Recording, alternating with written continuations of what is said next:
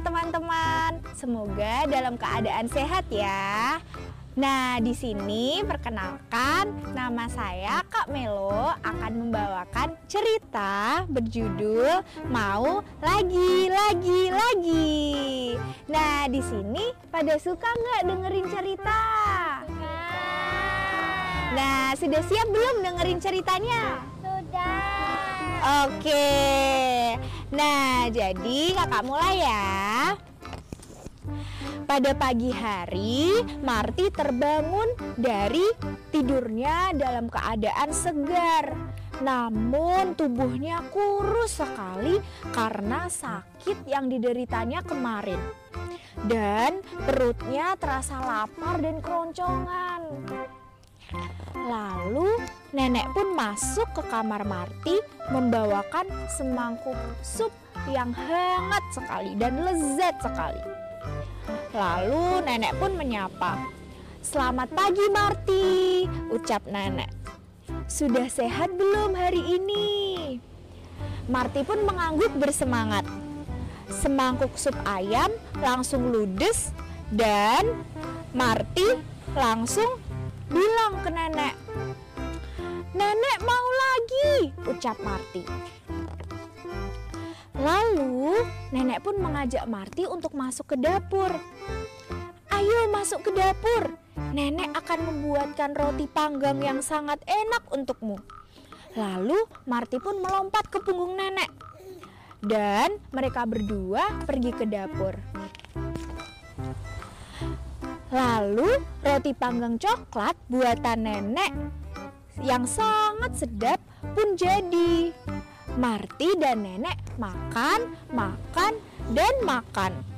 Tapi setelah semuanya habis, Marty berkata, "Mau lagi, Nek," ucap Marty. Lalu nenek pun berkata, "Bagaimana kalau telur dadar?" Marty pun mengangguk gembira. Segera saja wangi goreng telur dadar pun memenuhi dapur. Aku sangat lapar, ujar Marty. Lalu telur dadar berwarna kuning keemasan dan terlihat nikmat menggoda sudah jadi. Marty dan nenek makan, makan, dan makan. Tapi setelah semuanya habis, Marty berkata, "Nenek, aku Lalu nenek pun kembali lagi ke dapur.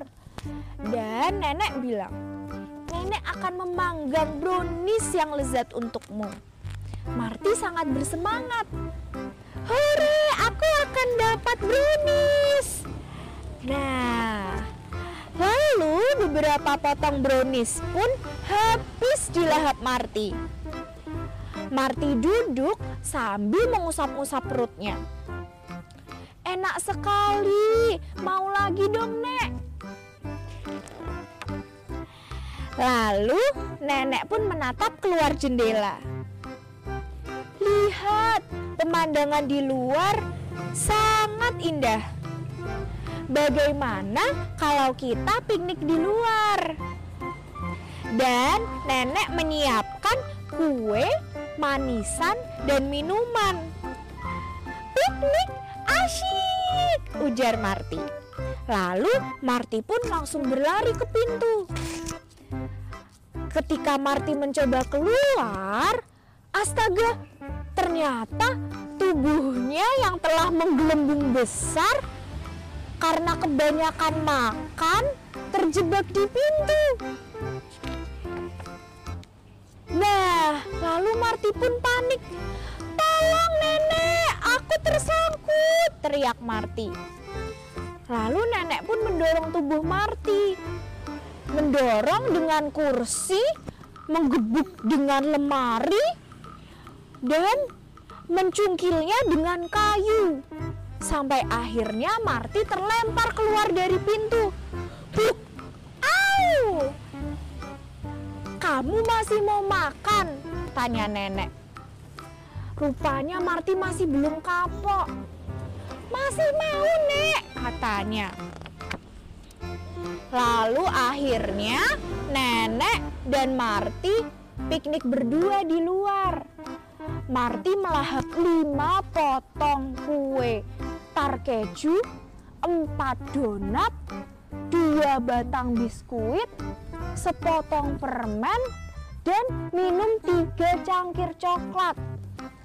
Dia makan, makan, dan makan sampai perutnya hampir meledak karena kekenyangan.